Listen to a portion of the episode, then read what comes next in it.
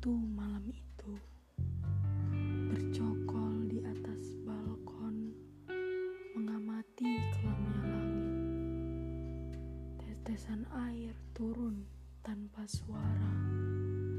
Langut ini semakin terasa dalam tanpa tahu batas akhirnya. Maaf aku